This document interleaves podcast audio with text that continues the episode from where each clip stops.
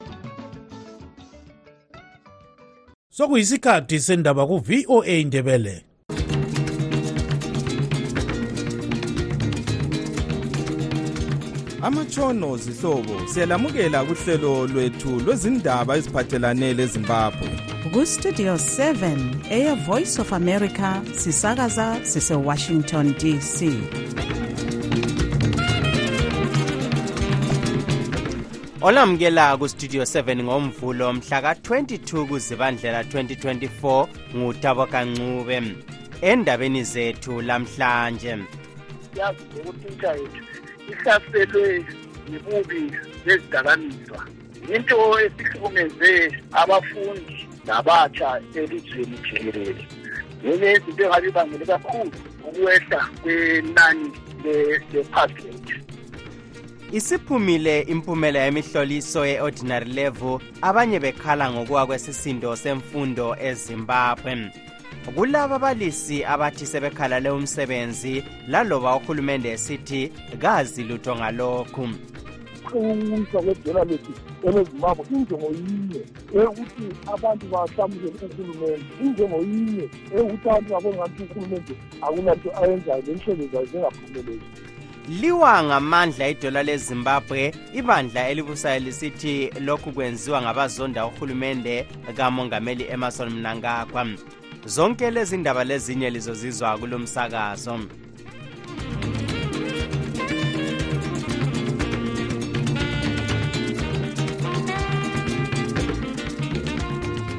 uhlangothi lukahulumende olubona ngokulotshwa kwemihloliso olwezimbabwe school examinations Council kumbe ZIMSEC namuhla lwazise ukuthi impumela yemihloliso ye-ordinary level eyomnyaka ka-2023 isiyethulelwe abafundi okusemthethweni inani lezifundi eziphumelele kulimhloliso liqansile nxa liqathaniswa lelanyakenye inani lezifundo ezenelise ukuphumelela kulemihloliso zapasa izifundo ezinhlanu kusiya phambili zifika kusilinganiso sokungamachumi amabili lasitshiyagalolunye ekhulwini i-29,41 percent inani leli likhwele lisuka ku-28,96 percent eyomnyaka ka-2022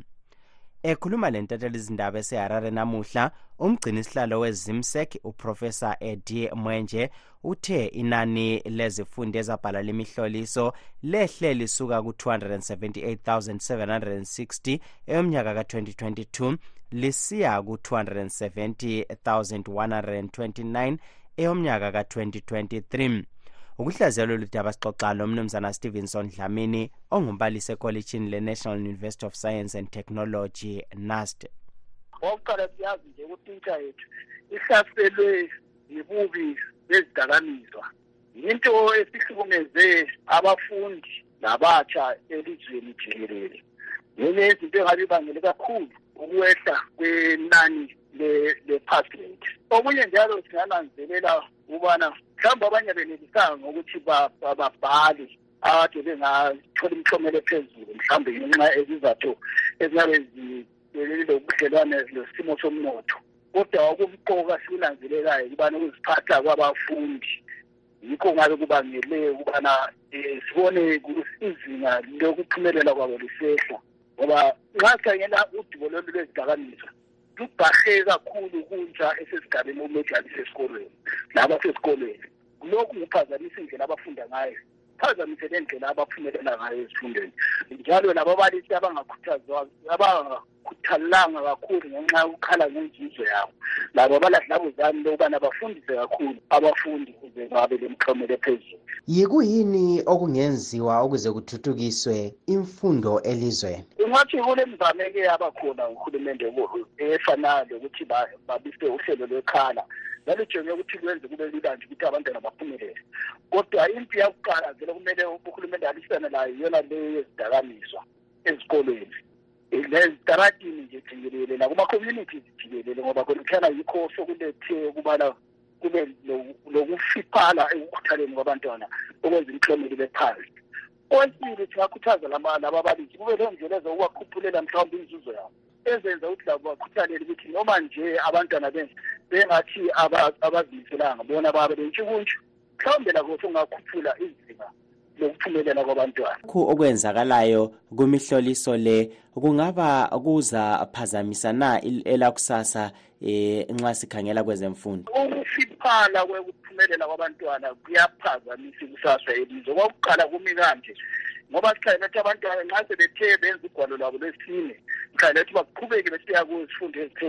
baphezulu baye ezigwalo lesihlanu kodwa kungathile abantu abaya kumfundo yaphezulu ukuthi khona labana akumele bazofida kuma-university lakubaba balutshwane okuzadala ukuthi kube lokuswelakala kwabantu abafundileyo kusasa yezimbabwe okuzenza kudale futhi ukuthi kube labantu abaswele imisebenzi beswele imisebenzi ngenxa yokuthi abala impumela efunakalayo ukuze baqhatsheke ngakho-ke into yakuqala yokubana kuzaswelakala abantu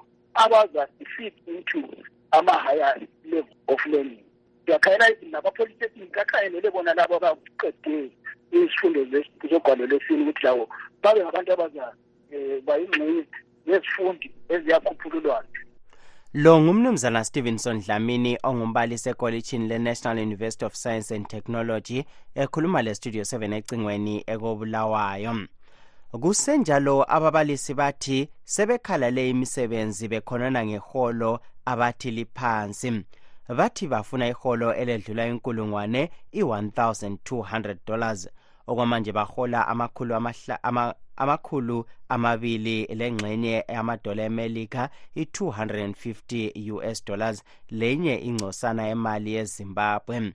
ukuze sizwe okuningi ngodaba lolu sixoxe lonobhala jikelele weharare kunhlanganiso emela ababalisi e-amalgamated rural teachers union of zimbabwe umnumzana munyaradzi masiwa eh ababalisi abaphansi kwehlanganiso eyefozewu ilama-uniyoni amanengi ifozel kule amalgamated rural teachers union of zimbabwe kule ptuz kule euz kule zibitu uh, eh, so ababalisi abaphansi kwamanyoni lawa bakhalalile umsebenzi kuzokuba labanye ababalisi abangela amayunyeni labo bakhalalile umsebenzi ngoba vele imali esiholayo iyafanana kungelani lokuthi ukuyiphi i-union okuzakwenza ukuthi babuyele emsebenzini bathi yikuyini ababalisi bathi bona eh okuzayenza nje ukuthi babuyele emsebenzini yikuba imali yabo isuke yayengezelelwa nguhulumende bafuna yengezelelwe ifike kumalini ababalisi bafuna imali ifike ku-1260 usd imali ye-amerika uhulumende yena okwakhathesi usetheni ngalokho uhulumende kakakhulumi lutho wakhuluma nje ukuthi imali yethu isizathekswa sakubona ngeholo likajanuwari imali yethu ishothile vele sokutshengisa ukuthi uhulumende utheksile imali yethu yona vele ilutshwane sizwa njalo kule mibiko yokuthi kulokwethuselana kuyini okwenzakalayo liqiniso eh abasebenza emahofisini e-education baqalisile ukubhoda ezikolweni besithi bafuna ukubona ukuthi kume kanjani abathi yona i-status ye-education so kwayenza ukuthi abanye ababalisi bacine bayethu ke bayethuka bayenza ngathiwa nje basezikolo bayasebenza bona bengasebenzi besesaba nje ukuthi ama-threats lawa abakwazi ukuthi ayaphetha ngani lo ube ngunobhala jikelele weharare kunhlanganiso emele ababalisi e-amalgamated rural teachers union of zimbabwe umnumzana munyaradzi masiwa exoxa lestudio 7 eseharare kodwa isikhulumeli sogatsha lwezemfundo yeprimary lesecondary umnumzana dawunkana ndoro uthi akula babalisi abakhalele imisebenzi asimzweni elandisa zvekuti hanzi kune varayiridzi vanga vari pastrike ukuthi kulababalisi abakade bekhalale imisebenzi ngamanga aluhlaza tshoko lami ngiqala ukukuzwa ngawe khonapha akula nto enjalo nxa bekhona bengaba bengabantu abathathu nje kuphela kodwa iqiniso ngelokuthi bonke ababalisi bebekhona emsebenzini lamuhla njalo asikhangelelanga ukuthi kungabe le strike lonyaka gore rino umnumzana thawunkana ntoro isikhulumeli sogatsha lwezemfundo eprimary lesecondary ubexoxa ecingweni lestudio 7 eseharare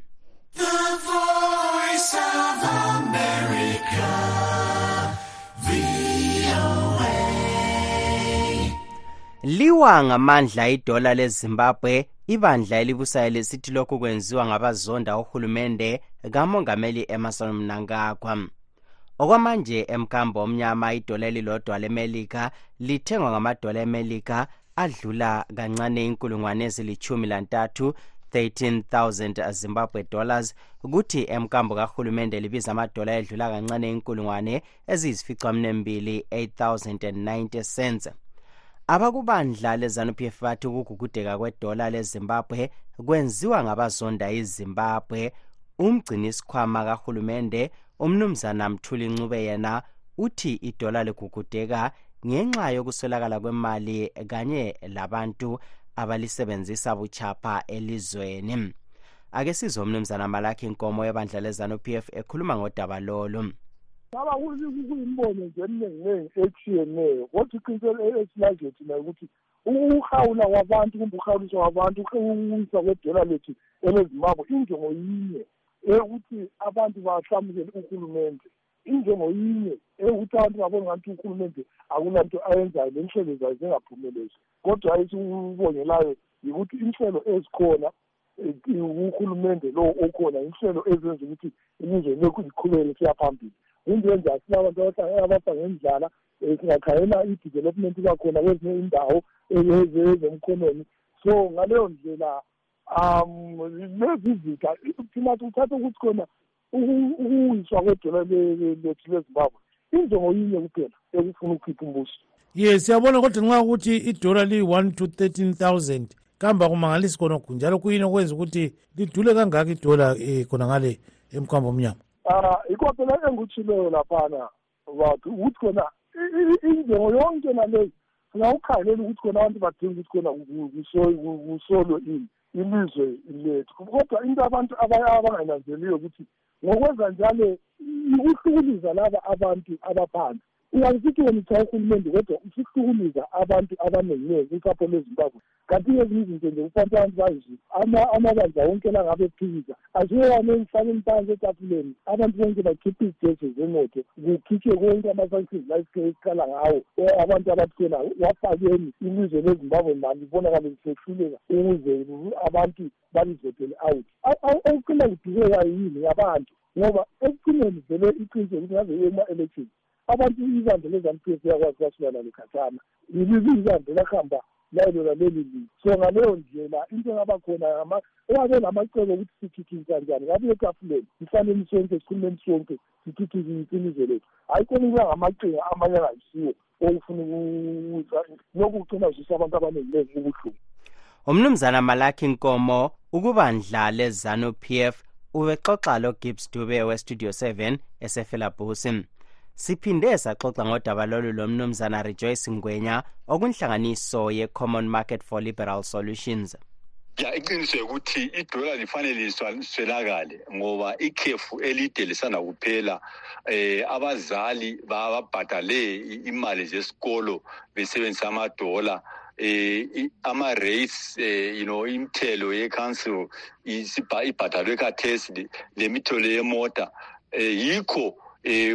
kuyezwa kuyazisiseka ukuthi kungani idola lingekho eh, emsikeni lokho ukuthi kule speculation ha ah, lokho vela ivele ihlala indawo ngoba i reserve bank yona babethe khona ngemnyaka ophelileyo um sebelungisele sebelungisile ukuthi into zingahluphe zemali kodwa mina bona ngathi iglathi ekho imarket khathesi ivele kayamanga kuhle ngoba abazali eh babhadale eh imithelo bahlawule imithelo eminingi kakhulu ye nxa sizwa kubadlala eZanu-PF bathi hhayi okunye kwangikhona kuphehlwa izijeziso zenotho izethuso abantu abakuzanup f kambe ngabahambelana khonokho izitshesiso zenotho aziqondane labantu abalutshwane um aziqondana ngozulu um eh, laba bathi khona um igolide liningi liyathengiswa edubai lithengiswa ngapha echina um imali yakhona iyabe isiya ngaphi imali efanele ingene um eh, izithelo eziningi eh, ezigejwayo eh, ozi- o- iplatinum olithium zonke ziyathengiswa ngaphandle kwelizwe kanti eh, eh, bantu bezimbabwe imali yakhona iya ngaphi ya so yikho thina nxa la- laba abakhuluma ngokuthi kulezijeziso um ngabantu abakhuluma ab- abasebuthongweni Eh, ngaba- ngabakaphaphami kutho ukuthi asoze siba- sibakholwe ngoba yingoma abahlali beyikhulumela nabe ye kodwa nxa sikhuluma sikhuluma sibili sijula kukhanya njani kungalungiseka yini khonokho ukuthi idola liyagugudeka ye awu- akulungiseki um ngesiphangiphangi ngenxa yokuthi thina esingathi ngesikhiwa i-production yethu impahla esizilungisayo thina eziningi eh, azithe, azithengiswa ngaphandle kwelizwe eh, zithengwa eh ngaphandle kwelizwe kuthi ukuthi ama offshore funds wonke lana esilawo amuntu wonke uyabe lemali loba angazazi uze imali ku World Remit kumbe Western Union uyathatha imali ayegoli kumbe aye Tanzania kumbe aye Zambia ayithenga eh awusoze kuvele kube lemali ngaphandle kokuba kungaguqulwa indlela ebuswa ngayo ama-industry ethu wonke aphakame impahla zethu zonke esizithengayo ezibe zizimpahla ezilungiswa ezimbabwe sokusiba lama-access reserves yiwo azagcinwa kwemabhank um sekulungisa ama-import licenses so yindlela ongenza khona imani supply engcono khonokho ye iqiniso ukuthi imani supply um yenziwa yenziwa ngezinye indlela ezimbili um ukuthengisa impahla ngaphandle kwelizwe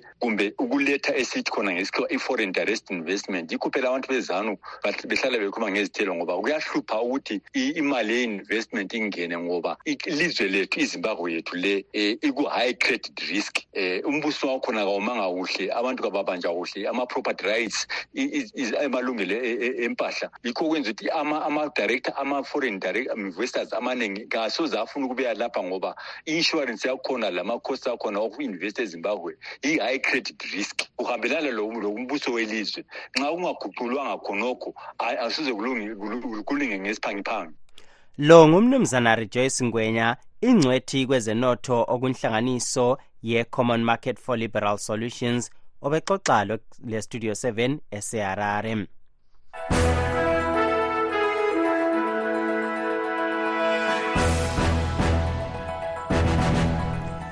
singakangeni kusigaba esilandelayo sike sikhangele ezivela kwamanye amazwe ngamafitshane umnumzana antony blinken umphathi intambo ohlangothi lukahulumende wakwele melika olubona ngokudlelana lamanye amazwe wethekelela amazwe ambala kuzwekazi le-afrika namuhla ukwele cape verde lapho axoxisane khona ngokutshiyeneyo lomkhokheli welizwe lelo esuka kuleli lizwe ukhangelelwe ukuba uza kwethekelela kwele-ivory coast engakayi kwele-nigeria lakwele-angola lolu luhambo lokuvuselela ukuthengiselana kwezomvikela phakathi kwemelika lamazwe ezwekazi le-afrika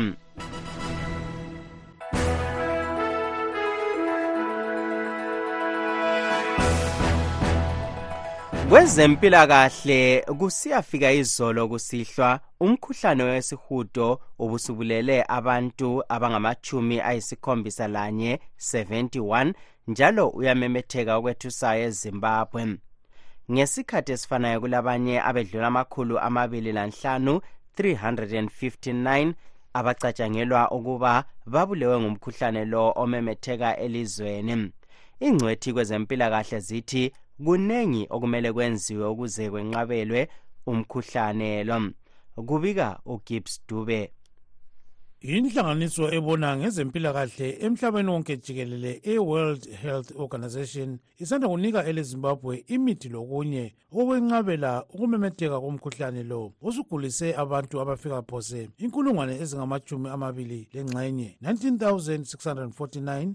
selokhu waqhamuka nyakenye ngonhlolanja ekuzameni ukwenqabela umkhuhlane wohudo elizweni i-who ithi ibambisane lenhlanganiso ezigoqela e-health resilience fund the vaccine alliance kanye le-european union embassy of ireland le-united kingdom aid lezinye ithi uncedo lolu luzakwenza elezimbabwe lizame ukuncenga amanzi ahloliweyo ukulolonga abongi abazakuba lolwazi olujulileyo ngumkhuhlane wohudo lokunye okufunakalayo embikweni abasanda kuwethula inhlanganiselo le iphinde yathi elezimbabwe lizanceda ukwenza imikhankaso yokukhulumisana lozulu ngomkhuhlane wohudo ingcwethi kwezempilakahle zincoma okwenziwe inhlanganiso lezi sithi kumele uzulu lohulumende benze okuningi ukuze ungamemetheki ngamandla umkhuhlane wohudo ngusikhwicamfundo solwayo ngwenya osebenza empilo hospital okhulume okwamanje ezimele uthi kuningi okungenziwa ukuze kunqatshelwe umkhuhlane lo okwamanje isihudokazi lesi okuthiwa yichorela sesikhanya simemetheka elizweni yikho abantu bayaxwayiswa ukuthi khona bananzelele ngoba lesi sihudokazi umuntu uyayenelisa ukuthi ahude kakhulu ngesikhathi esilutshwana aphelelwe yimpilo yakhe yikho siyaxwayisa ukuthi abantu nxa behamba bengazi bahamba beqhawulana lokuthi behambe bethenga ukudla abakuthola emamakhethi bedle kungageziswanga njengoba amanzi lawo vele ehlupha lokhu kuyayenza ukuthi kuvikele ukuthi umkhuhlane wekhorela umemetheke usiya phambili njalo abantu bayaxwayiswa ukuthi nxa behamba emfeni lapha ezimfeni bananzelele kakhulu ukudla abakudlayo lokuqawulana izandla esengikukhulumile usiqixamfundo ngwenya uthi kuqakathekile ukuyabona odokotela masinyane uma ucatshangelwa ukuthi umuntu ulesifo sohudo bengazi bamelela ukuthi ahude ngoba isihudo sankhona siyamangalisa yikho kuthiwa yisihudokazi bazabona umuntu ekhipha isihudo esingamanzi esingani yirayisi kuthiwa yirayisi water stool yikho-ke lokho akumelanga bacabange ukuthi umuntu uzasila engazange wayelatshwa nxa umuntu ethe watshona ezindaweni ezisemaphandleni ebulawa isihudokazi leso esinje bengaze bambeka bengazange batshela abantu eh, bempilakahle esigabeni sabo umemetheka ngamandla umkhuhlane lo eharare emanicaland matwebelen north maswingo mashonaland central lezinye indawo kulabantu bafika amajumi amane 41 abasanda kubanjwa ngumkhuhlane lo emashonaland central okuyisabelo esikhokhela ngenani labathaphe umkhuhlane lo kusiyafika izolo umnumzana amavela sikhumalo okunhlanganiso yecombined harare residence trust uthi kumele abantu beqaphele umkhuhlane lo uthi bathola ulwazi kwezabempilakahle mayelana lomkhuhlane wohudo kubonakala angathi ama-figures lokhu ekhwela um asikwazi ukuthi ngamanzi yini kumbe lizulu leli elalisina um insuku ezidlulileyo lezi sesibona ngazathi ama-figures emkhuhlane lowu wehudo sekhwela futhi phezulu kathesi kobulayo kukhanye engani balwisana kahle lo mkhuhlane lo okulomuntu oyedwa kuphela osanda kuhlolwa watholakala elegciwane lohudo ngumnumzana thembelani dube umabhalani obona ngokudlelana lezakhamizi kunhlanganiso yobulayo progressive resistance association uncoma okwenziwa yikhansili okwakhathesi qha sithi siyawunanzelela umkhuhlane lo kawungamemetheki kakhulu mhlawumbe ukuthi abantu bakobulawo sebeke bawugula nxa kusenziwa izimemezelo bayazithatha ngazo zonke izandla zombili ngakho-ke umkhuhlane lo abantu bawuqaphe ngeso lokhona ukuthi nxa ungaba khona themba abaningi bayakwazi ukuthi benzeni kodwa-ke esikunanzela kakhulu yikuthi izeluleko ezibuya lebulawa sikhansili zenza ukuthi abantu bahlale beqaphile kodwa-ke siyakhuthaza abantu njalo ukuthi nxa besezinsweni lapha bananzelele bengakaze badle ukudla baqale bageze izandla baxhawulane kodwa babe sebegeze izandla-ke nxa sokuthe waphunywa lapha ezitheni ngoba siyakwazi ukuthi ngaze ke sikuvale hundred percent ukuxhawulana kwabanye kodwa esikukhuthazayo ukuthi bangaxhawulana abantu bangaze babambe ukudla bangakaze bageze izandla ngile kudleni lapha besifisa ukuthi ngabe kuyavuma abantu bangasondeli kakhulu ekudleni okudliwa ngabantu abaningi ngoba kwandisa ukuthi kube yikho okumemethekisa umkhuhlane wesihudo in this case icholera uhulumende uthi ulwisana ngamandla lo mkhuhlane lo njalo ukhuthaza abantu ukuba balandele abakutshelwa ngabezempilakahle ngimele istudio 7 ngise-washington ngingugibbs dube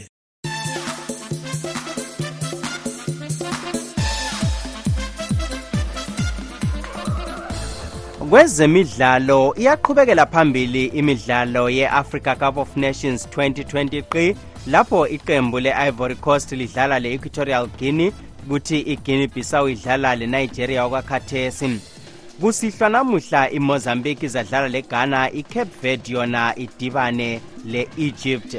kusenjalo sekukhethwa indlubu ezwele ephokweni kumncintiswano wenguqu okudinga intshantshu zezwekazi lase-afrika kubika ujoseph njanji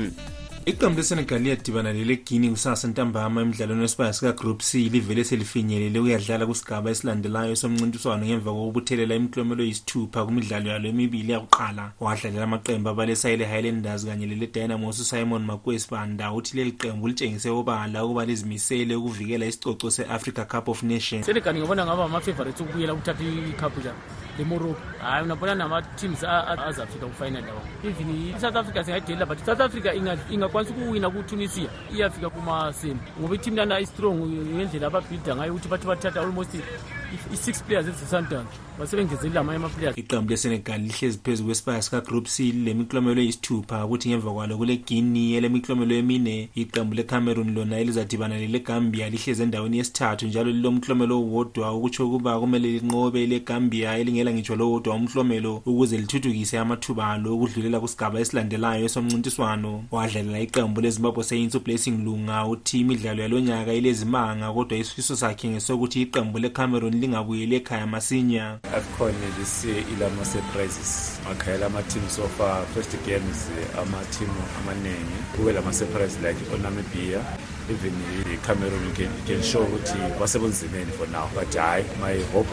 ukuthi bazaphika kwi-third game yabo last week iqembu le-south africa lizadlala lele-tunisia ngolwesithathu emdlalweni wesibaya sikagroup e njalo umqeqetshi womdlalo wenguqu ugift Geto Nkala uthi kuzamele libophe ziqine ngoba wonke amaqembu akusibaya lesi esaselawo amathuba okudlulela phambili. I-South Africa elo e, e, isitholile ama i-winning formula I think ingaba i-threat nxa bengasayinanzelelanga kuhle ngoba sebebonile according to iplay yayizwe ngowami umbono ngibona zani batshintshile i-type of play bebehambe egedini zani i-first game yabo babedlala uthikataka ongayindawo um eh, igame yayizulu ebelomehluko because bebehange for ama-goals I think bengadlala that uh, same type of football kungatshintsha izinto omnye njalo umqeqetshi womdlalo wenguqu umduduzi mpofu laye uvumelane lo nkala uba ukucecisa yikho ukuphazamisa iqembu lesouth africa isouth africa they need to change their mentality do they want to win or they want to issue body we know that is one of our ma philosophies esouth africa ishibhobho playing for entertainment so they need to change focus. So if their attitude changes, something can come up because that team is composed of Sundowns players who have been doing very well in Africa. So if they just have that winning mentality and that teamwork, very later they can proceed to the next stage iqembu lemali yilo elihlezi phezu kwengalane yesibaya sikagroup e lile miklomelo emine kuthi elesouth africa lisendaweni yesibili lile miklomelo emithathu ikanti elenamibia lona lihlezi endaweni thathu lalo lilemiklomelo emithathu kodwa lingaphansi ngemva kokuba libhaxabulwe ngele-south africa nge-4 kanyangesonto emsileni wengalane kule qembu le-tunisia lona elilomklomelo owodwa umlandeli womdlalo wenguqu u-alex banda uthi iqembu lezambia lona selidinga umthandazo ngoba libhekane leqembu lemorocco emdlalweni walo wokucina kusibaya sikagroup f bafike kumasemini ngifuna ithatha futhi sikhangele lakwemali laba izambe songaya ngenhlanhla south africa already silethini sesithensingathembisiustabilaba ngafika ehlulekele phambili imidlalo yezibaya iyafika emaphethelweni ngolwesithathu okuyikho lapho kuzacaca ukuba yiwaphi amaqembu adlulela phambili amaqembu amabili azabe ehlezi phezu kwengalane ngasibaya sinye athola ilungelo lokuya kusigaba esilandelayo somncintiswano ndawonye lamaqembu amane ayabe elemiklomelo eminingi ayabe ehlezi endaweni yesithathu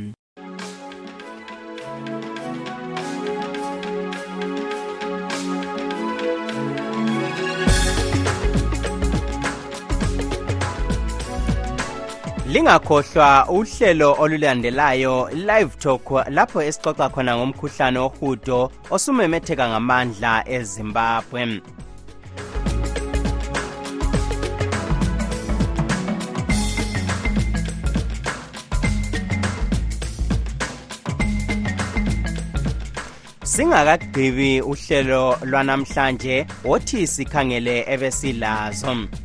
isiphumile imphumela yemihloliso ye-ordinary level abanye bekhala ngokuwa kwesisindo semfundo ezimbabwe